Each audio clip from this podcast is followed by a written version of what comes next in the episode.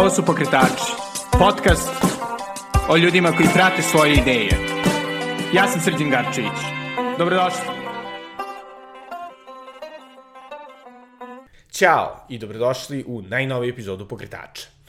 Veliko mi je zadovoljstvo što je danas gošća Dragana Kojičić, e, arhitektkinja koja se specializuje za e, arhitektkinja koja se specializuje za gradnju zemljom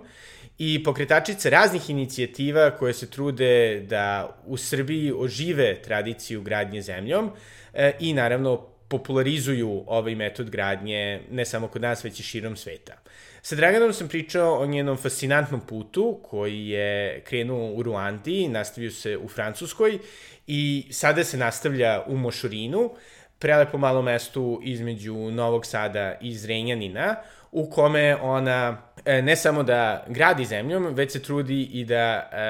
e, podeli svoje znanje sa raznim ljudima, što iz Srbije, ali što iz celoga sveta. Pričali smo lepotama zemlje, o tradiciji i tome kako zemlja može da se koristi ne samo za obnavljanje starih metoda gradnje, već i kako može da pomogne trenutnim zgradama ali naravno i u raznim problemima sa kojima se ona susretala u radu. Pre nego što čujete Draganu, hteo bih da vas podsjetim da možete da donirate pokretačima preko Paypala na adresi paypal.me kosacrta sgarcevic ili preko Patreona na adresi patreon.com kosacrta Belgrade. eto, još jedan razlog zašto mi je ovaj razgovor drag je to zato što mi je dosta prijatelja arhitekata uh, tražilo da čuju Draganu, tako da, eto, uslišio sam njihovu želju. E, slobodno možete da mi pišete sa sugestijama i naravno, ukoliko želite da donirate, pomognete da se razne želje, a pogotovo moje, ovaj, ostvare. E, a sada, bez duženja, ovo je sjajna Dragana Kojičić. Nekako ona, jedna od glavnih stvari koju e, sada jeli ljudi ponovno otkrivaju po Vojvodini, to su prelepe tradicionalne kuće, e, e, koje, jeli, svako hoće, bog zna kako da renovira, i onda, naravno, shvatio da su građane na dosta drugačije, tradicionalne načine, jeli, od, od zemlje, I onda su ljudi, ja, da li da samo srušimo i da napravimo nešto novo. Zašto treba da ih zadrže od zemlje? Pa ovako prvo, e, ono što isto je interesantno da nije, ne pričamo samo o Vojvodini, pričamo da. o celoj Srbiji, iako, mislim, ja sam Vojvođanka, pa onda mi je bliža ova arhitektura, jer je tu smo imali samo zemlju, od drveta kamene jako malo, ali u celoj Srbiji imamo zemljenu arhitekturu, znači imamo, do duše tamo imate više drveta, imamo više kamena, pa samim tim e, je Koriste. Da. zemlja samo kao ispuna, ali, znači, zaista cela Srbija je građena zemljom i mislim da treba da ih zadrže iz mnogo razloga. Prvo, odnosno ne znam šta je, šta je prvo, ali odakle da krenem, ali recimo e, prvo te kuće imaju jako dugu tradiciju, znači to je preko 100, 200 godina i negde i više da su one preživele sve moguće e, ono prirodne uslove, sve moguće ljude, ratove. sve što se ratove, sve što se dešavalo. Um, napravljene su od materijala koji nalazimo na, samom, na samoj lokaciji, dakle nema transporta, nema zagađenja, koristimo i ono na kraju isto kad se završi njihov um, kao vek trajanja, da kažemo, one se vrate zemlji, ne, ne zagađuju opet okolinu, onda u tome su, su učestvovale ruke, ko zna koliko ljudi, znači cijele neke porodice, njihovi prijatelji, one stare mobe, kako smo ih nazivali, gde, gde um, svi zajedno grade tu kuću. Um, znači, čitava jedna istorija, tradicija, svi ti stari recepti, znači oni su koristili ono što su imali na licu mesta, pa su tu bile, dodavali su ono što su imali u, u kući, znači da li su to bile neke dlake, da li jaja, mislim sve zaista što je bilo nekako tu oko njih vrlo je slično, čak mogu da kažem i kuvanju, jer E, sve te neke male tajne sastojke su primjenjivali i mislim da, naravno, ja nisam od onih koji smatraju da sad mi treba da se vratimo i da te kuće izgledaju kao te etno kuće kakvi danas zovemo kao pre 200 godina jer to zaista nema smisla, ali možemo te kuće vrlo lako da prilagodimo savremenom životu, e, poštujući naravno te neke osnovne principe, znači da, ih, da, da ne stavljamo materijale koji nisu kompatibilni sa zemljom i to je najveći problem koji se danas dešava jer ljudi koriste cement, koriste PVC prozove i sve ostalo kuće od zemlje dišu, odnosno primaju višak vlage iz vazduha i po potrebi ga oslobađaju. I onda kad stavimo cement, e, podove, e, maltere, onda zarobimo tu vlagu. I u stvari, e, znači, onemogućavamo disanje i onda znači, nastaju problemi. E, I drugo, e, da isto u Vojvodini vlada velika predrasuda kako su kuće od zemlje dobri izolatori, ali one to nisu. Znači, izolator je recimo slama, trska i ti materijali koji mogu da zarobe vazduh da se ne kreće. Zemlja to nije, ali ona to nadomešćuje tom svojom velikom termalnom masom, što znači da se sad taj jedan debeli zid od zemlje sporo zagreva kad je napolju toplo i za 12 sati kad sunce zađe, ta toplota već počinje da izlazi iz zida od zemlje, tako da njemu jako potrebno e, mnogo vremena da se on ugreje i kuća mu uopšte da se ugreje, tako da uvek kažemo kako ove kuće divno zimi e, greju, a leti hlade, do duše zimi je potrebno par dana da se one dobro ugreju da bi mogle da funkcionišu tako kako treba. Da, i kako si uopšte ušla u taj fantastični svet? Da, pa mislim, nije, nije bilo onako svesno, ali posle kad sam nekako se vraćala na, na, na sve to, e, jedna od dve bake, odnosno jedna od kuća u kojoj sam odrasla je bila kuća od Čerpića, tako da nekako verovatno je bilo prirodno, drugo u Vojvodini sam i nekako, mislim, prosto svu, okruženi smo time i mene je isto bilo zanimljivo da na studijem arhitekture u Novom Sadu nismo uopšte pričali o kućama od zemlja, ja sam radila unapređenje vojvođanske kuće od naboja, to mi je bila jedna od tema na, na ovaj, e, tom završnom projektu i onda sam počela počela malo da se interesujem, ali niko se time nije bavio, niko nije znao i naravno sam na, ovaj, na tom završenom dobro prošla jer prosto nisu znali šta da me pitaju i tako negde to počinje. U stvari onda odlazim e, na, u, Franc, u prvo u Afriku, tamo sam dobila prvi posao kao klasičan arhitekta. I, e, gde u Africi? u Ruandi A. i da, tamo sam bila tri godine i to je bio klasičan biro, ono, ispred kompjutera radimo neke uh, besmislene projekte, neku višespratnicu staklenu ili, mislim, ono, vrlo brzo sam shvatila da to mene zaista ne zanima, jer kao gradimo u tropskoj klimi, e, visoke temperaturi i sve ostalo, mi gradimo nešto što je potpuno neprilagođeno tom ambijentu i ja sam brzo shvatila da ja nekako ne vidim sebe u tome, a da onda, mislim, bile su to i neki projekti, neke, da, prvo sam radila za jednu našu firmu, pa onda za e, Belgijance i Švajcarce i tu smo imali koje kakvih, mislim, projekata, neke katedrale i svašta nešto onako je bilo baš, mislim,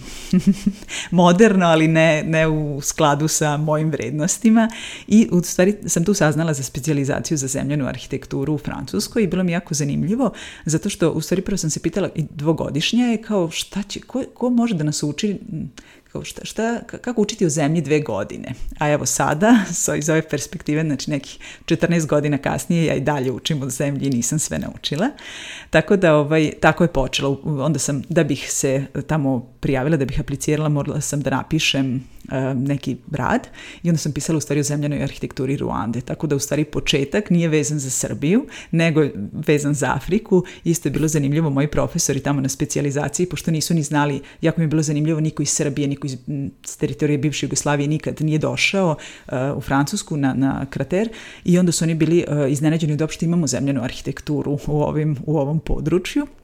Tako da su jedva čekali da čuju tu moju prezentaciju, onda su bili razočarani jer je bila u Ruandi, mm. ali sam onda za završni projekat ovaj, radila uh, zemljenu arhitekturu, do duše samo Vojvodine, ali ono, tad sam se tek time bavila. Da, i nekako, baš sad je da pričaš o, o Ruandi, o ovaj, staklu, metalu, I jedan moj prijatelj jednom rekao kako je kod nas ono, beton neki simbol napretka i u smislu da je jedan razloga zašto dosta tradicionalne arhitekture biva uništene zato što neko asocira na siromaštvo, bedu. Upravo tako i to je, to je u stvari to je veliki problem i to je meni jako zasmetalo kad smo pričali i na ovoj specijalizaciji e, kao sad smo mi to doneli sad konkretno u Afriku jer tamo sam živela znači oni su imali neku svoju božanstvenu tradicionalnu arhitekturu koju smo mi uništili i rekli im to ništa ne valja beton je zakon, koristite beton i onda sad im namećemo opet 30-40 godina kasnije, ajde sad se vratite, e, odnosno ovaj, da, u poslednjih 30-40 godina i sad se vratite na ono vaše, ali ne kažemo im to je bilo baš super, nego, znaš, nekako, i onda me to jako nervira zato što, um, da, uopšte ne poštujemo tu tradiciju i, i jeste beton kod nas, i to isto na početku kad sam recimo radila pre 10 godina kad sam se vratila, ljudi su se stideli toga što žive u kućama od zemlje, stideli su se toga što su svake nedelje pomazivali, dodajući kravlju balegu ili šta god, to je bila za njih sramota i nisu hteli da pričaju dok nisu shvatili da, mislim, da ja uopšte ne shvatam to kao nešto loše, nego kao nešto što je predivno i što, mislim, o, o čemu treba da pričamo i onda su, tek, tek bi onda onako počinjali kad su videli da, da je to nešto što je nama divno, onda su i oni postajali ponosni. U stvari mislim da to to, treba nekako više da negujemo, da ljudi e, shvate i da osveste koliko su u stvari srećni što imaju svoje kuće, što imaju svoju okućnicu i što žive u prirodi. Da, i kako je nekako bilo, jeli, kad se vratili iz Francuske ovde, baviti se tako nečim što mm. dosta ljudi je vrlo strano, ali svi želimo da imamo ono, vrlo fancy kuće, ako smo ono, usmrčeno malo više cool likovi, onda ono, super minimalističke, ogromni stakleni prozori, još malo manje, hoćemo da imamo što veće, da imamo, ovi, ne znam, labudove, ovo, ono. Da, pa bila je prilično onako... Um E, zanimljivo na početku. Ja sam došla s puna entuzijazma, znajući da se vraćam u Srbiju i znajući da ova priča, mislim, i, i sve to što se zemlje tiče, i radi sporo, a u Srbiji će to sigurno biti još bar trostruko toliko. I naravno e, tada, 10-12 godina mlađa ja i kao žensko si na gradilištu si i baviš se blatom i to te testove kad radimo, u stvari da vidimo kakva je zemlja, jer svaka zemlja se razlikuje, to ono što je lepo u radu sa zemljom. Um, nekako ne izgleda, u stvari više izgleda kao da se igraš, a ne da radiš nešto ozbiljno i tako su me i majstori gledali kao da sam blesava i kao šta sad ova tu radi. Tako da smo uvek imali tu, tu borbu da pokažemo da to ima smisla, da, da onda sam i uvek moram duplo više da radim da bih pokazala da kao da znam, da, da imam iskustva i sve to. Tako da mislim to je, to je onako jedna priča koja je išla. E sad, s druge strane, e, ljudi da, imaju tu predrasu da su te kuće od zemlje tako, mislim, pogotovo po Vojvodini i tad je staklo bilo skupo, nismo ovde imali drveta, inače prozori su bili mali, sve je bilo nekako vrlo skromno, ali ti danas isto možeš da napraviš kuću od zemlje koja će da imate velike staklene površine, koja će da bude potpuno moderna, tako da je, da je sve to danas moguće, mi još nismo došli ovaj, na, tu, na, na taj nivo, ali idemo ka tome. Da, i čisto pominjala si majstori, koliko uopšte je bilo ljudi koji su, da kažem, znali da grade Da, pa e, da, pre eto 12 godina i kad smo mi krenuli malo da, da istražujemo, ja sam prvo išla po Vojvodini, vozili smo bicikle, malo se upoznavali s ljudima, tad ih je još bilo, ali recimo u, u, u Srbiji uopšte, ali u celom svetu do 50-ih se recimo gradilo zemljom, odnosno do, do ratova. Kako se završi drugi svetski rat, nekako su ljudi imali potrebu da se što brže gradi, da sve to bude ono industrializovano, nekako ubrzano i prosto zemlja je postala, nije, nije više mogla da se takmiči sa, sa time i e, da kažemo da se negde do 70-ih kod nas gradilo i posle potpuno prestaje. I sad je nastao taj veliki jaz od 50 godina gde oni koji su znali um, nisu gradili ili u tim najsiromašnijim sredinama su se u stvari održali jer ljudi nisu imali druge materijale i morali su da, da prosto obnavljaju to uh, što, što su imali, čim, čime su raspolagali. I ono što mi je jako isto interesantno, jedna koleginica, ona je u Rumuniji, radi sad svoj doktorat na temu uh, banatskog uh, dela Rumunije – i uh, došla je do zaključka, ne znam koliko, um, sad da ne lupim, ali recimo da imaju 700.000 kuća od zemlje i da je kad su prošli sva sela da su našli tri majstora i onda su se pitali a kako su kuće uspele da se održe i onda su došle do toga da su ih žene održavale. Stvarno? Znači da, i zato u stvari je ideja da muškarci naprave kuću i to je nekako u većini, um, u većini um, um, kultura tako, ali da su žene, mislim i žene učestvuju vrlo često u gradnji, ali su žene te koje održavaju kuće. Znači svake godine ako se kuća ošteti, one su te koje obnavljaju, koje malterišu, koje e, sva ta oštećenja u stvari saniraju. Tako da Eh, ako je, evo, po, sudeći po njenom doktoratu,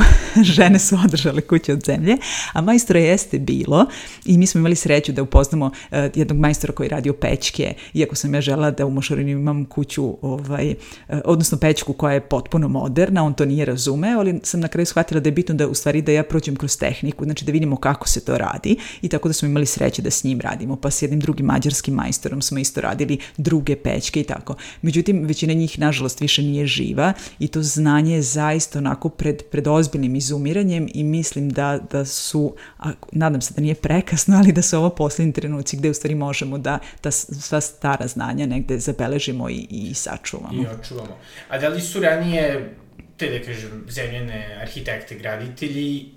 mislim ono, da li to bilo neki porodični zanat ili su imali svoje zanatske pa sada da, zavisi, ili mhm. kako? E, pa recimo kod nas u Vojvodini stalno pričaju kako su postojali, kako su stvari kolonisti doneli naboj i kako su oni gradili, kako su te grupe specijalizovane majstora gradile. Međutim, s druge strane postoji i puno njih je gradilo i sam, ljudi su gradili sami za sebe i to nije bilo nešto što nije bilo moguće usvojiti, tako da e, je puno njih radilo i sobstvene kuće i kažem da postojali su tu, ti majstori, ali imamo i i malo smo nešto istraživali, jednom radili smo jedno malo istraživanje o ženama da su ikad nisu imale muževe ili kad zbog ratova, zbog svega što se desilo, da su čak i žene same gradile svoje kuće. Znači da su u stvari ljudi um, da, i postojali su majstori, ali su postojali i koji su gradili, ali su postojali i uh, ljudi koji su sami sebi gradili. Mislim da je to ono što smo zaboravili u stvari i sad stalno imamo to da moramo za sve da zovemo majstore, a nekako mislim da svi to imamo u nama, da u stvari smo, mislim da prosto svako od nas može da sagradi sebe kuću. Da, što zvuči zaista onako neverovatno, više koliko smo kao hiperspecializovani. Da. I, da. I kako uopšte izgleda izgradnja jedne kuće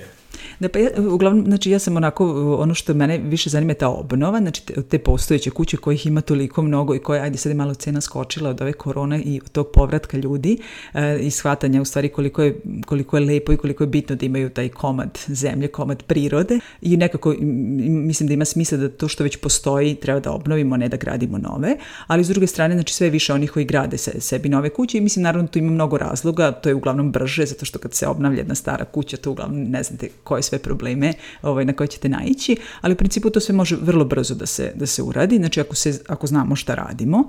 bitno da imamo dobre temelje i to vrlo često danas ljudi rade tako što urade klasične betonske temelje, zato što je to najbrže, najjeftinije, ali u principu tu je kamen, tu je opeka, tu su razni drugi materijali. Ono što je bitno da imamo jeste hidroizolacija, znači da, kako englezi kažu, imamo dobre čizme, dobar šešir, znači da nema, da voda ne, se ne penje gore i to je ono što većina ovih naših kuća nema. E, to po Srbiji dole nije problem zato što e, imate, imaju kamene e, temelje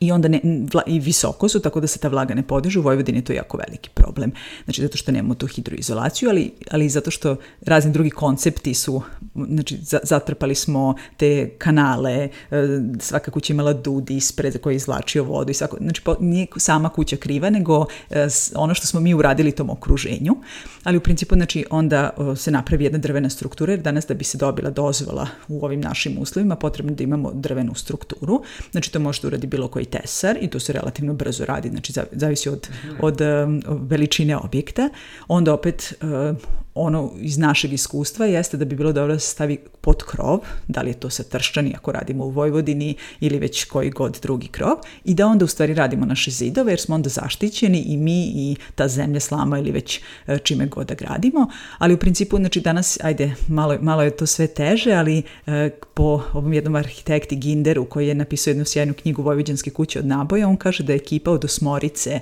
eh, muškaraca eh, gde dvojica kopaju zemlju, dvojica dvojice donose, dvojice ubacuju oplatu i dvojica e, nabijaju, mogla da za jedno dve nedelje završi kompletno zidove kuće jedne prosečne vojvođanske. Mhm. E, sad nemamo krov, nemamo ostalo, nemamo završne radove, ali u principu u jednoj sezoni bi e, bilo realno da to može Cijela da se kuća, napravi. Da, da. da. Wow. I, a dobro, sad, naravno, ako bi se to stavljalo se, ne znam, razvodi vodovod i sve pretpostavljeno malo... Da, da, da, to ima ovaj, prosto da, da, ali znači ako se dobro isplanira i to je mislim da je jako bitno i zato vrlo često nam se ljudi javljaju, ne znam, u julu, oni bi da se u septembru usele, to ni, ni, mislim nije zaista nije realno, ali o, negde na zimu da se o, pokrenu, da se projekat napravi i sve da bi se od proleća to moglo raditi i naravno većina nas je vrlo entuzijastična i svi mislimo da ćemo to za jednu sezonu da uradimo, to je moguće ukoliko imamo sredstava, vremena i svega ostalog, ali vrlo često to ne bude tako i onda samo nekako da ljudi shvate da je prosto to proces. Mislim, danas je tako da sve želimo, za sve želimo instant rešenje, ali ovo je prosto proces i tako da je u redu čak i ako, ako se ne završi, ali kažem, uz dobru organizaciju može da se završi sa jednu da. sezonu. Da. Pošto recimo dosta ljudi, jeli, um, e, koji hoće da naprave neke vikendice, uglavnom dobro, ne baš kuće u kojima žele da žive, su sada više okreću montažnim kućama, kao eto, rešenju. Da, pa ovo bi bilo jedno dobro rešenje, zato što kad pričamo sad o kućama u kojima živimo, znači ti zidovi treba da budu dosta debeli ili da imamo dobru izolaciju ili da razmišljamo o tehnikama, ali za vikend kuće to zaista nije potrebno, tako da možemo da imamo jednu drvenu strukturu i ispunu od zemlje i to, to zaista može brzo da se završi. Da, I, a što se tiče održavanja? Pa sad, da, e, to je sad isto druga stvar je e, kad se kuće dobro isprojektuju, znači kad dobro osmislimo kuću, e, nemamo šta da održavamo. A šta to znači? Recimo ako imamo vetrove, kišu, znamo da sa severa uglavnom, ali ne mora da znači, znači pogledamo tu ružu vetrova, vidimo kako, kako ovaj, funkcioniše i te strane zaštitimo. Stavimo krov, to što sam rekla, čizme i krov i šešir, mhm. znači šešir se odnosi na dobar krov, iako je krov prepušten, iako znači, ne, kiša ga direktno ne spira zidove, nema razloga te kuće mogu da opstanu stotinama godina. Da, bez nekog stalnog. Bez stalnog održavanja. Naravno, znači sad je tu postojalo kako, kako su nekad rađene i to kako su žene, i odnosno svake godine su se obnavljale, ali kažem kad se dobro o, konceptualno, kad se napravi dobar koncept, kad se dobro izvede, to zaista nema potrebe. Da, I za ovih, šta si rekla, 12 godina koliko si se vratila u Srbiju, ovaj, kako se promenio odnos prema Da, pa e, jako, jako se promenio. Na početku su ljudi bili zaista skeptični i svi su smatrali da je to besmislica, da se vraćamo u prošlost. Mislim, počeš od mojih roditelja i najbližeg Stano. okruženja, da, onako svi su bili razočarani. Uh, mogu da kažem da su mediji zaista dosta doprineli toj promociji svega, jer ipak kad, nas, kad, kad te vide na TV-u, onda, znaš, nekako i, ipak imaju više poverenja u tebi, to je zaista tako i, i ja sam zaista u tom smislu jako zahvalna i nekako nikad nisam odbijala ni jedan poziv baš zbog toga, zato što treba da dopremu do ljudi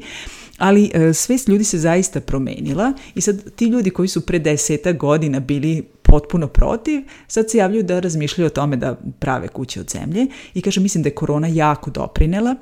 I recimo mi smo pre, um, pre korone, imam taj neki online kurs, zimski kurs koji obično državam pre početka sezone i koji je teorijski više i uglavnom se prijavi 10, 15, 20 maksimalno ljudi, ove godine ih ima 65 na kursu i to su mislim, zaista malo ljudi iz struke, a mnogo više ljudi koji su kupili stare kuće po Vojvodini i dole po Staroj planini i po drugim planinama sa idejom da ih obnove. Tako da mislim da, da je ta da, da koliko god loših stvari e, donela, da je ipak donela nešto dobro, da su ljudi počeli zaista da razmišljaju o tome da već nešto imaju, da to nešto ne košta mnogo, da može da se obnovi, da zaista mogu sebi da naprave lep e, prostor, ako ne za život, onda makar za privremeni, povremeni odlazak. Da. Konkretno me interesuje zapravo ove, ovaj, način na koji su je evoluiralo, nadam se, ovaj, mišljenje tvojih kolega arhitekata, pošto nekako... Ove, ajde sad malo, mala digresija, nekako čini mi se da je jedan veliki problem u arhitekturi, pogotovo možda 20. i 30. godina, ta neka ideja kao, ok,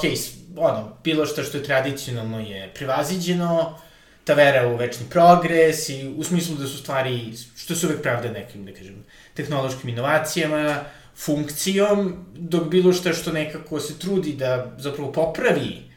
dosta problema koje te neke nove tehnike stvaraju bilo, je jeli, zagađenje, bilo korišćenje nekih materijala koji nisu podobni, na primjer, evo, je li najpoznatiji primer sa, je li radioaktivnim materijalima za izolaciju, koji su isto bili progres u nekom trenutku,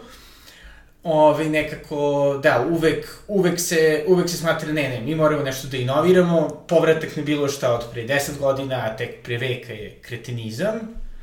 Da pa, e, ja sam bila iznenađena u stvari prvo e, tim kolegama koji su dolazile na radionici, to su bili tako ljudi iz biroa i naš, nekako ipak za razliku od mene koja sam stalno u blatu, stalno sam da. prljava i tako, to su neko fine, fine devojke, fini ljudi i onda bi bilo zanimljivo kao šta, sad, šta su došli i kak, kakva će sad da bude reakcija i uglavnom ljudima treba da se opuste, znaš, ceo dan su ispred kompjutera, rade tu neke ono, ogromne stvari, ozbiljne stvari i onda dođu da uživaju u stvari u nečemu što, to, što, što je potpuno drugačije i svi se opuste i tako da sam videla da, da u stvari im treba i onda su nastali da dolaze, znači to bio proces i onda sam se pitala kao šta je, zbog čega, u stvari nisu dolazili, mislim jesu dolazili meni da pomognu, ali su dolazili i da sebi pomognu jer i njima značilo to, a mislim da, da, da je sve više u stvari i zemlja kao materijal da bi se sad prila,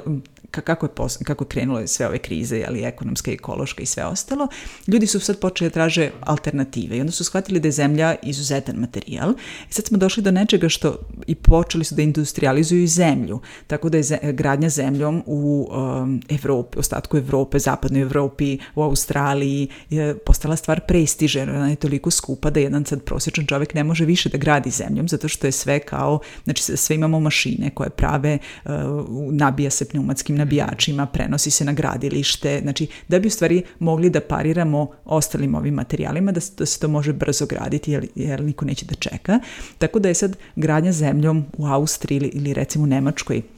toliko skupa da, ne znam, se grade samo neki javni veliki objekt, jer, jer kažem, ovaj običan čovjek to sebi više ne može da priušti. Naravno, tamo imamo cenu e, rada koja je mnogo, mnogo veća nego ovde, tako da je to zaista e, postalo nešto jako skupo i ja se nadam da to nikad neće doći kod nas, ali se bojim da,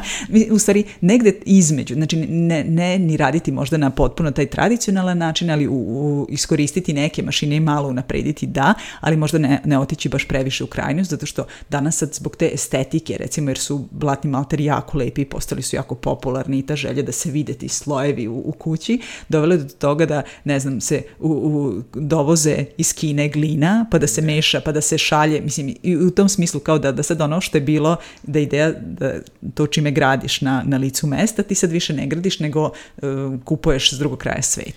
Ja. Da. Tako da ima i tu nekih svojih, ovaj, nekih, ovaj, mislim, nekih besmi, da, da, nekih skretanja, pitanja, ali mislim, mislim da su, s druge strane, doprin, jesu doprinili do, tom, do toga da zemlja, e, tome da zemlja postane vidljiva i da um, nekako, recimo u Južnoj Koreji su to um, uradili, to što su se ljudi stideli, uradili su tako što su um, nekog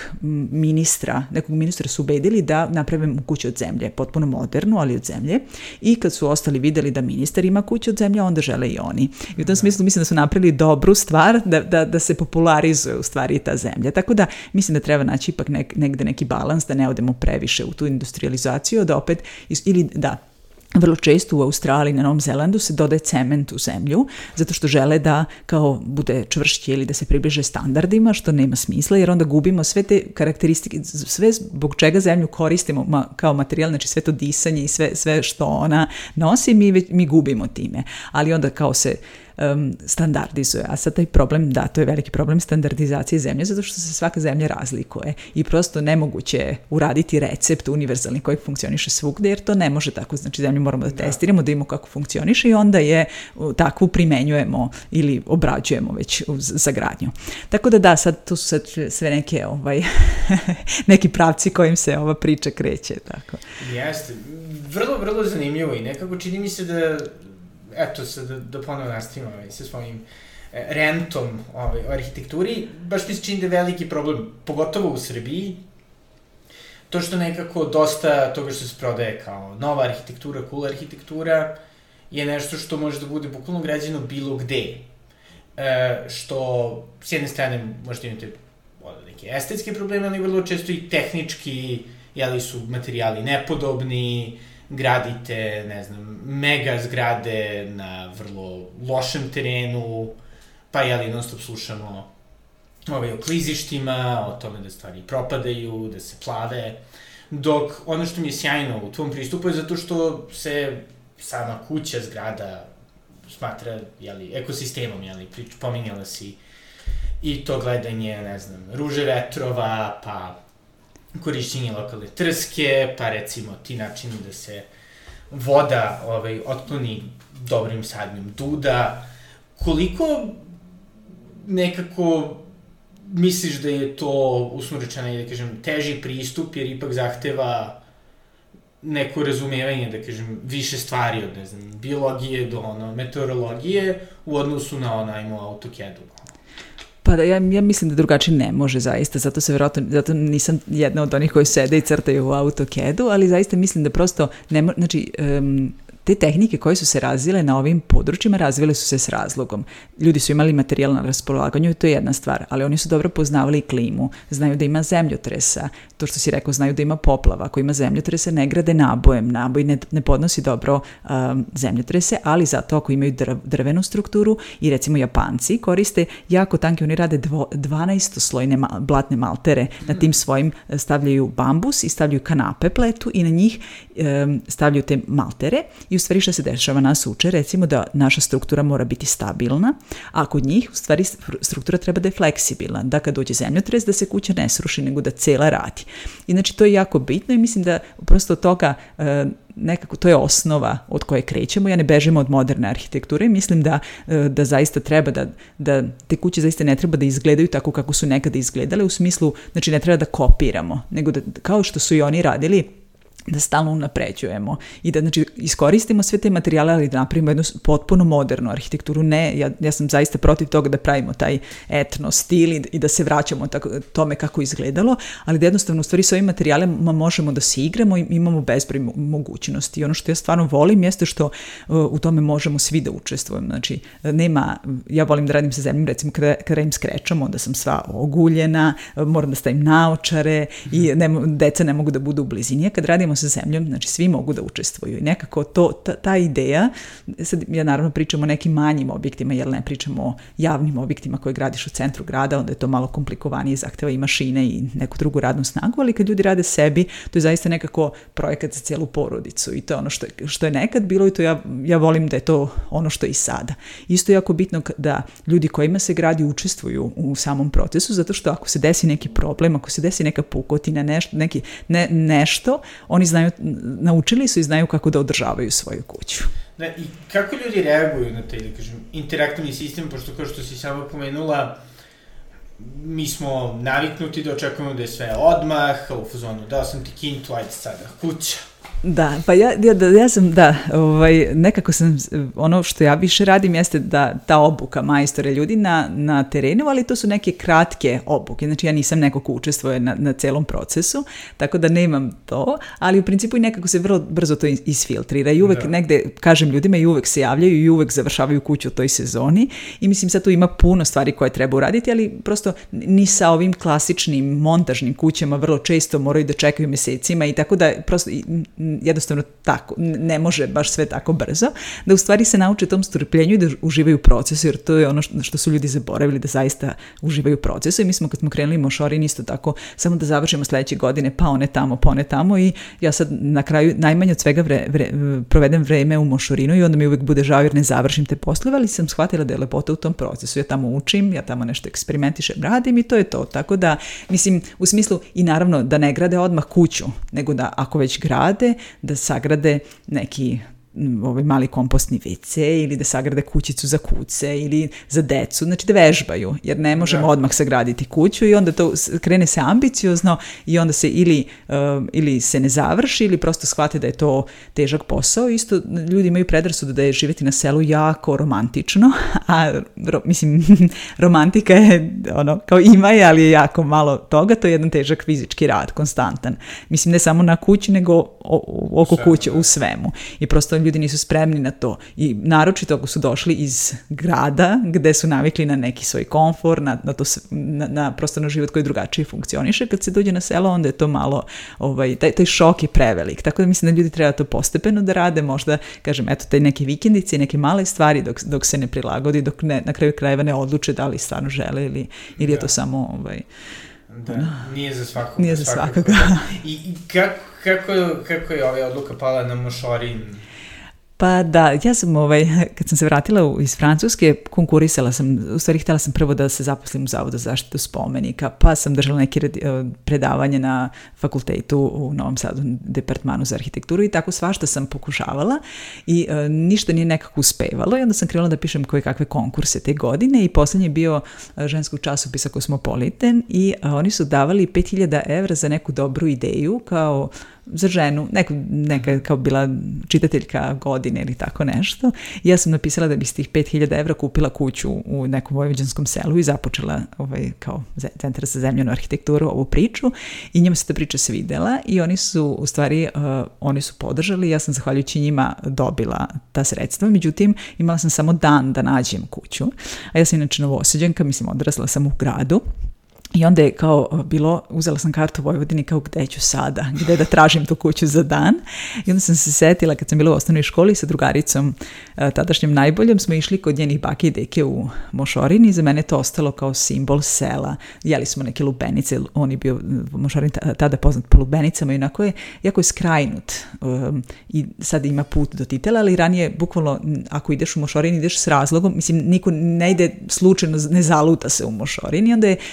kažem, ta izolovanost a na 35 km od Novog Sada mi je bila jako zanimljiva. I ništa, ja sam u tom jednom danu koji sam imala, rešila idem tamo, u stvari prvo sam zvala, pa tražila i sad po oglasima i sad e, niko neće, mislim ljudi se stide toga da imaju kuću od zemlje, da, da kao da, stara da, da. gradnja i ostalo i onda sam na kraju našla i to je bila jedina kuća koja, je, koja se uklapala u cenu, tako da ovaj, nije bilo mnogo izbora, ali mislim ja sam, kad sam videla, to je bilo to, tako da i nisam čak ni ušla unutra i bilo mi je bitno samo da na kući nije bilo intervencije, da neko nije ugrađivao patila i sve ostalo, da onda da imam još više problema nego da je kuća autentična. Tako da sam to i dobila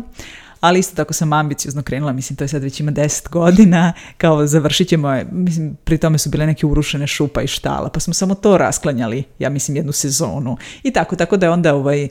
dosta to trajalo, ali ovaj, ja sam zahvala na tom procesu i sve što sam u stvari, sve što sam učila u teoriji, nešto malo u praksi u Francuskoj, dok nisam primenila sa ovom zemljom u ovim uslovima, znači to su dve potpuno različite stvari, tako sam bezbroj puta radila i podove i maltere i sve smo, znači toliko grešaka, da bismo došli do onoga što stvarno funkcioniše i sad prosto to znamo za, za sve ostalo. Sjajno. I, a kakav je, da kažem, bila reakcija Mošorinjana E, da, pa bili su, prvo su bili jako skeptični, isto tako kao žensko, e, ka šta ona sad tu radi, došla je tu nas da uči, kao da, da, da mislim, kao bi bilo je potpuno bez veze. I onda posle, pa, pre dve godine smo bili u, u nekoj prodavnici i taj čika izlazi i kaže, znam ja ko si ti, e, mislio sam da ćeš odustati, ali svaka ti čast, evo, izdržala si. Tako da, e, i bilo isto zanimljivo što su u medijima gledali, slušali, pa bi onda došli da vide stvarno šta se radi radi jer njih to tad nije zanimalo. Tako da znaju i mislim većina sad već podržava i vole da dođu i deca vole i, i ti, te naše komšije i uvek pokazuju ako je neko dođe pa ih dovedu da vide šta radimo. Tako da nekako mislim da smo dosta dobro prihvaćeni. Da. I, i, ovi, i eto, da, da, da kažem da se simpatišem sa, sa tim gospodinom iz Mošurina, ovaj, da, je li ikada bilo trenutak kad si bio otvoru, ok, kraj, Gotovo. Bilo ih je puno, ne jedan, nego bezbroj. Sećam se kad smo to napravili radionicu i našli smo majstora za pećku u Belom Blatu, dogovorimo se sve s njim, a on je mađar i ne razumemo se baš najbolje. I, i došli su ljudi i treba da krene pećka radionica i Bojan moj treba da, ga, da ode po majstoru i zove ga i on kaže, ali ja sam uzeo drugi posao, nismo se razumeli. I ono počinje neka kiša, oluja i ja samo pitam šta nam je ovo trebalo, daj da odustanemo i da, i da bežimo odavde. Tako onda sledeći put kad smo trščani krov radili, znači skidali smo taj postojeći srep, pa stavljamo trasku, pa počinje oluja, kida na sve strane, kao ako pokisne, od, ode kuća. Mislim, tako bilo ih je baš, baš dosta. Imali smo pre dve godine ovaj problem sa lokalnim popom koji je bio jako ljud što mi tu radimo šta radimo, pa nam i on napravio haos. Da, da, da, to je bila posebna priča na sve načine pokušao da osueti festival koji smo pravili za decu u dečijem vrtiću i na kraju mislim je uspio jer na kraju nismo ga ni radili u vrtiću ali tad je baš napravio haos potpuni zvao desničarske grupe da dođu da spreče festival mislim imali smo obezbeđenje na festivalu i tako bilo je vrlo ovaj, bilo je vrlo onako interesantno iskustvo s druge strane puno toga smo naučili tako da sam na neki način i zahvalna ali ovaj, u smislu da smo ovaj, drugačije postavili stvari i nekako i znamo ovaj, gde smo i šta radimo. Tako, ali da, bilo je, da, bilo je puno trenutaka. U tom trenutku kad se to desilo sa popom, ja sam bila u fazonu kao, ok, zatvaram, kupim moje gleterice, uh, idemo odavde. I onda sam se mhm. naravno smirila i sve, sve, ovaj,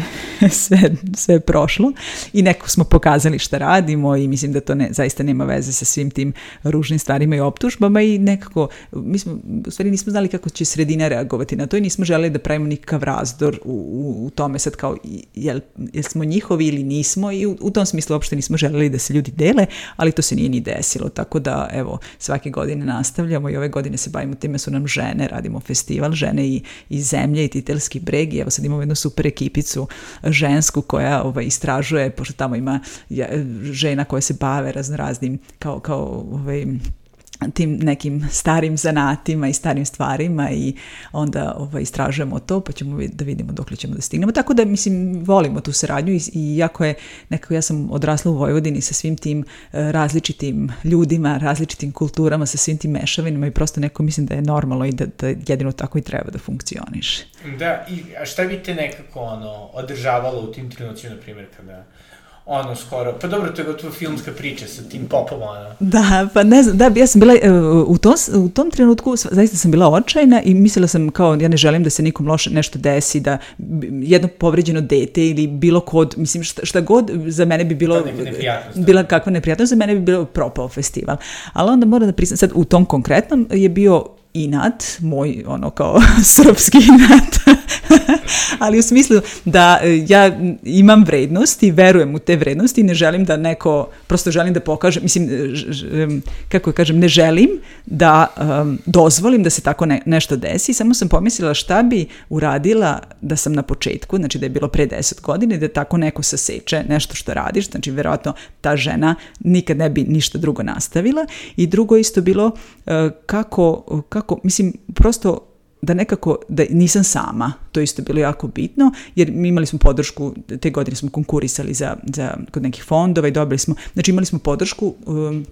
ljudi koji rade sa ženama, odnosno koji se, koji se nekako podržavaju aktiviste i oni su nas zaista jako podržali. U stvari smo shvatili i svi naši treneri te godine, učesnici koji su se javili i u stvari shvatiš da nisi sami, da znači, nekako sam se osjećala, rekla sam mužu, ok, čuvaj sina, ja sad moram da izguram ovu borbu kako god se to završilo, ali kao ako je ovo rat, onda moramo da ga urat, mislim, naravno ne, ja nisam za, ja nisam Konflikt, za da. borbu i u, u tom smislu ja sam za na kreativna, znači ja nisam za agresiju, to, to je daleko od toga, ali želim da nekako istrem u tome i da na svoj kreativni način pokažem da ne mogu tako, znači niko od njih ne može takve stvari da radi i da ne dozvoljavamo i da nije u redu, da, da prosto možemo da budemo različiti i možemo da živimo tamo zajedno. Za, zašto? Mislim, i, za, i da pokažemo različite vrednosti toj deci, da pokažemo strance koji dolaze, jer radili smo godinu dana ranije smo imali festival, odnosno konferenciju titela u festivalu Mošorinu, imali smo ljude iz 32 zemlje sveta.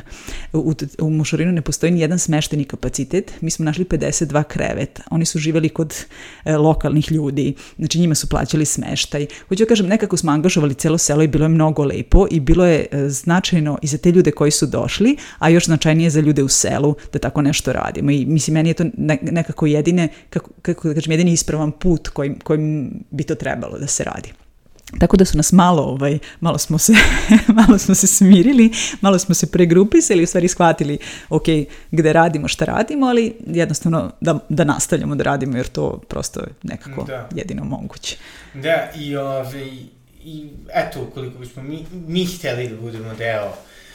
tvojih ovih sjajnih projekata, kako bi to najlakše mogli da uradimo. Znači, pomenuo se radionice. Jeste, pa svake godine organizujemo dosta radionica, bude ih u Mošorinu, znači to budu uglavnom, imamo te jednodnevne radionice gde mogu da dođu ljudi koji su potpuno bez iskustva, onda svake godine imamo po, bar po jedan volonterski kamp, uglavnom smo ranijih godina sa mladim istraživačima Srbije ih radili, ove godine ćemo raditi nešto sa belgijancima, onda imamo recimo, ja držim isto jedan volonterski kamp u ta, na Taoru kod Valjeva, isto u julu, tako da mislim imamo ovaj naš blog Zemljena arhitektura i Facebook grupe i stranicu Earth and Crafts i tamo u principu sve što radimo objavljujemo i zaista onako baš na Kelebi isto sad u kraj maja imam jednu radionicu, uh, tu smo nekako spojili različite stvari i ples i ovo što se i ovo bavljenje zemljom i, i, i prirodnim materijalima, tako da se stalno dešavaju jako lepe stvari i mislim da zaista i, i uopšte nekako trudimo se da e, nije za profesionalce, a bit će ove godine i za baš profesionalne majstore prve obuke koje radimo,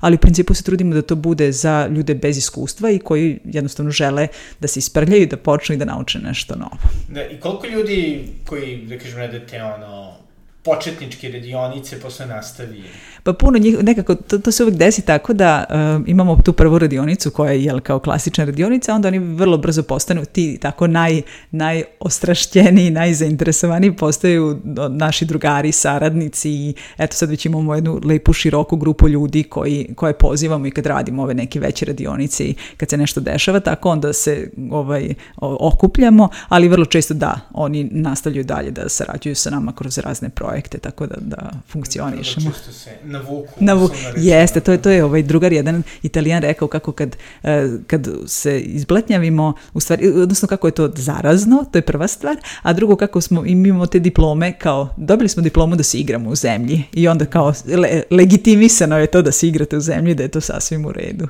Pa da, divno, divno. Ove, ima nešto u tom, da kažem. Ima nešto magično, da, ali da. vidiš, nije samo, sad su naučne istraživanja su pokazala da, eh, luče, da te bakterije iz zemlje pomažu lučenje serotonina i da, kao da, da su ljudi srećni koji rade sa zemljom, sad ne samo u bašti, nego i ovako, tako da verovatno ima, ima nešto i do toga. Ima i do toga, da, ko zna, ali ovaj. Možda, možda zapravo ovaj, treba svi više da bismo se zadovoljili da e, pa, se igramo. Da, ali mislim da ima tu još nešto i to je to zajedništvo i to je jedan drugar taj sad kad si pitao šta, mi je, šta, je, šta me održavalo i on je uvek rekao kao ali ti nisi ni svesna, najveća vrednost u stvari našeg tog jel, projekta jeste u stvari su ljudi. Znači ljudi koji dolaze, ljudi koji ostaju i ljudi koji ovaj, se stalno smenjuju i uopšte to, to, ta, taj, to zajedništvo i mislim da je sad jeste rad sa zemljom, ali mislim da je više to, ta, ta, to opuštanje pisanje i rađenje neš, nečeg rukama, da. opipljivog, opipljivog da. da, i, i nešto, nešto se konkretno završi i nešto se konkretno nauči. Da, što je, nažalost, ovo je vrlo redko u savremenoj ekonomiji. Da, da. da. I, I kad smo kod savremene ekonomije, ove isto, jeli, skoro ste pokrenuli uh, fundraising kampanju preko donacije.rs, Jeste, to je bila naša prva kampanja e, i e, onako, ja sam se u stvari nadala, u stvari nekako bila ideja da e, radionice i ovo što imamo unapred, kao da, da to bude neka pretprodaja radionice, to se delom nije desilo, uglavnom su nas podržali ovi naši pratioci i prijatelji, ali je bilo vrlo interesantno i onako baš dobro iskustvo i evo sad pripremamo i radionice i želimo u stvari da završimo tu našu učionicu, spavaonicu i sve ostalo da bismo e, konačno mogli da radimo neke druge stvari, ali i zato što ove godine imamo tu sad spomenula sam je prvu obuku majstora e, za gradnju zemljom i e, dobijat će se sertifikati koji su priznati u neformalnom obrazovanju u ostatku Evrope. To nam je jako bilo bitno i zato nam je bitno da završimo tu učionicu i prosto da imamo e, sve te kapacitete. Tako da da, jako smo zadovoljni tom prvom kampanjom, super je podržana i eto mislim da je to jedan od lepih načina da se animira zajednica i da kad krećemo to možda bude neki prvi korak. U stvari čak nisam sigurna da li je prvi korak, mislim da, da, da jedan od koraka koje treba preduzeti jer mora, zajednica već mora da nas poznaje manje više da bi nas podržala, ali da su to jed, neki od načina na koji možemo tu ideju dalje da širimo i da u stvari uključujemo što veći broj ljudi. Da, i pošto recimo meni je dosta otvorilo oči ove, da kažem, vrednostima tradicionalnih materijala, jedan Twitter profil koji zove Wrath of None, koji mislim da je neki gospodin iz Japana i koji tako priča, ne znam, o različitim uh, razlozima zašto nešto gradi na ovaj način, kako je dobro jel postoje neki drugi resursi ovaj, koje bi savjetovala da ljudi, čisto ako hoće da se familiarizuju uopšte sa teorijom? Da, pa postoji zaista puno, puno uh, tih e, YouTube kanala i svega. Postoji recimo Kraterov uh, sajt, postoje razni drugi sajtovi, postoji Base Habitat isto koji je jako interesantan, oni su više kao socijalno stanovanje i prirodni materijali, tako da postoje ra za, zaista različiti uh, načini. Um, um, kako se zove ovi što pravi Dorodango, ne znam, uh, cela njihova njihov pa Canelo, Canelo projekat, isto odlični su. Sigi Koko je fantastična američka um, majstorica koja radi božanstvene stvari. Izabela Breda, recimo ona italijanka koja radi neke predivne maltere. Tako da ima ih Consuelo Tera Paz eh, koja radi eh, murale od zemlje. Mislim, onako zaista ima eh, jako, jako inspirativnih ljudi, pojedinaca, projekata, tako da ovaj, samo treba malo zagrebati. Naravno, bukvalno, možda da. da. I, I zapravo da, koliko uopšte, da kažem, postoji ono u regionu sličnih projekata, pošto je li Panonsko more, jeli, puno blata i zemlje. Jeste. Da. Pa postoji na sad sve više i više, to je jako lepo i u Srbiji, postoji nekoliko inicijativa i onako lep, lepe stvari se rade, ali ih ima po u, u Hrvatskoj, oni su baš onako u odnosu na nas e, mnogo napredni i Zmagi i ekipa, u Sloveniji su isto, tako da ih ima, E, nema, nema nas mnogo, ali mislim da je onako da se širi ta priča i da, da je ta mreža zaista onako lepa i kvalitetna. Sjajno. I otprilike evo sada za, za ljudi koji vole da, da putuju, da razgledaju, postoje neka mesta uh, koje bi ti preporučila ljudima da posete da vide zemljena arhitekturu, neke posebno zanimljive Pričamo o Srbiji? O Srbiji, ili, da. Mhm. Dobro, ja ovako u, Vojvodini, ono što jako volim i što uvek o, ovaj, ljude, ljude teram da idu, e, su prvo dve crkve koje su meni jako zanimljive i koje su jedine od zemlje, mislim i u cijeloj Srbiji, ne znam, verovatno i u regionu. Jedna u Ečki, ovde blizu, e, od, sa, sa šindrom je pokrivena, jedan, jedan mali namastir isto u Botošu, koji isto nije daleko od Zrenjanina, to su, i on je rađen jednom tehnikom koja se zove busenje, koja je jako zanimljiva zato što je um, e, redka, e, ali recimo Belo blato koje možda arhitektura nije toliko lepa, ali je jako zanimljivo zato što su tamo i ti pečkari i trs, trščari, znači oni tamo skupljaju trsku, mislim cijelo selo je onako vizualno impresivno zbog onih njihovih drvoreda, tako da ima, ima puno tih malih nekih prostora po Srbiji, dole Stara planina, mislim ta sela božanstvena, ono, kad se malo zagrebe i u stvari kad se, kad se uđe u te uh, prostore koji nisu toliko održavani, u stvari se vidi da, da je većina toga građena zemljom. Tako da isto u Vojvodini čista ta fasada zna da zavara, pa se misli da je od nečeg drugog, a onda vidimo da je u stvari kuća od zemlje, tako da ima zaista mnogo toga. Sad ne, mislim, mislim da se onako napravi jedna lepa tura u bilo kom tom selu da, da ovaj, nećemo pogrešiti. Da, da. I evo recimo ovaj, u Zreninu baš mislim još, e, pa dobro ne baš komšima, ovaj, dalje odavde ovaj, mislim zove Banatska kuća, isto restoran koji je skroz građen u tom tradicionalno su, ne znam da od zemlje, ali... Mislim da nije, ali nema veze, da, da ali do da, duše... Ima recimo onu pećnicu koja je od zemlje. Jeste, da, te stare pećke, to isto je nešto jako lepo i nešto što je možda zanimljivo za, za početnike, znači otići na te ovaj, kurse, naučiti kako se pravi jedna peć, napraviti onu pizza peć u svom dvorištu i početi odavde, to je baš da. onako jedna, jedna lepa da. stvar. Da. A boga mi ovaj, i u centru kuće, ili možda ćemo, ćemo čak morati i stana zbog zbog cena energenata. Vrlo moguće. E, a sad kad smo kod stana, isto je dobro, recimo, sad naravno, besmisleno je, kako da kažem, očekivati da se kuće grade od zemlje, ali recimo blatni malteri bi se mogli, ono, svaki put donesete po kesu, kofu zemlje i pripremljen malteri, recimo jedan, uh, jedan zid u stanu isto može da se uradi od blatnih maltera i to onako nešto moderno sa nekim, nekom finom uh, kao muralom ili s nekom da. rezbarijom, tako da to može zaista da bude lepo, tako da eto, osim pećke, možda i neki zida, i doprineće malo ovaj, termici Estet, u kući da, da, da. i estetici, a i da biće malo ovaj, prijatnije, tako da. Jeste, ali recimo moj otac, zapravo prvi put kad sam bio ušte šokiran da može da se gradi od zemlje, eh, je bilo kad mi je tata se vratio iz Jemena i bio je u Sani. Jaoj, blago tate. I ovaj, gde jeli imaju te cele, zapravo višespratnice od zemlje. Jeste, pa uvek, to, to nam je uvek primer prvi kad pričamo o tome, pogotovo u Vojvodini postoji predrasuda da se zemljom ne može graditi više od prizemlja i sad u, i, ima razlog zašto u Vojvodini ne, zato što je ta zemlja su više fina, ali recimo Aha. da, ali su nam uvek primer Šibam i o, Jemen i njihove, njihove te višespratnice koje su visine od 15 do 40 metara i koje su 500 godina stare i koje još uvek stoje, tako da da, o, to, je, to je pravi primer da, da se može graditi blagodati što je bio tamo. Da, nažalost, ovaj, to je nemoguće za nas trenutno, ali čisto me interesuje po, da kažemo, ostatku sveta Evrope, koje, koje su mesta posebno tebe e, inspirisala? Recimo, sad postoje mesta koje bih voljela da vidim još uvek nisam. Kineski zid, deo kineskog zida je građen od, od naboja, pa recimo Džene u Maliju, to je najveća e, džamija, odnosno, da, mislim, najveći sakralna e, objekat koji je građen od čerpiča, isto od ciglice, od nepečene zemlje. Uh, e, ali al sad od, od ovih koje sam videla, Alhambra, recimo, zid, ne cijela, ali zidine su isto građene od naboja, pa onda Porto, ovi stari gradovi po Španiji, Portugalu, veliki broj njih je građen zemljom. Tako da, mislim, ima zaista svašta. U, u Španiji um, iznad Madrida ima jedan trougao koji je, imaju um, Golubarnik je od zemlje božanstveni, Cela ta Tierra de Campos je fantastična, tako da ima baš, baš divnih, divnih, ali mislim bukvalno po čitavom svetu, uh, isto Latinska Amerika, ja sam recimo bila na razmeni u Kolumbiji, ceo taj stari deo uh, Bogote je građen od zemlje, ali ne samo nje, nego zaista mnogo, mnogo gradova, tako da ovaj, mislim da ima baš puno, puno lepih da. prostora za videti. Da, tako da hoćete budete kozmopolita i vratite se zemlji. Da, vratite se zemlji. U stvari, mislim, nije samo zemlja nekako. S druge strane, javili su se jednom sa golog otoka da prave kuću od zemlje tamo i ja pitam kao, pa a šta imate od materijala? Imamo kamen, gradite kamenom. Mislim, ra razmišljate o toj lokalnoj, nije uvek. Ja, ja, to što ja volim zemlju ne znači da treba da svi da je vole, ali u principu poštujte to, to čime je građeno na licu mesta, a to je vrlo često zemlja, ali ako ima drugih materijala, to isto sasvim sasvim u redu. Da, da, tako da divno. Ili imaš nešto što bih htjela da dodaš? Pa mislim da smo prešli veliki deo toga, tako da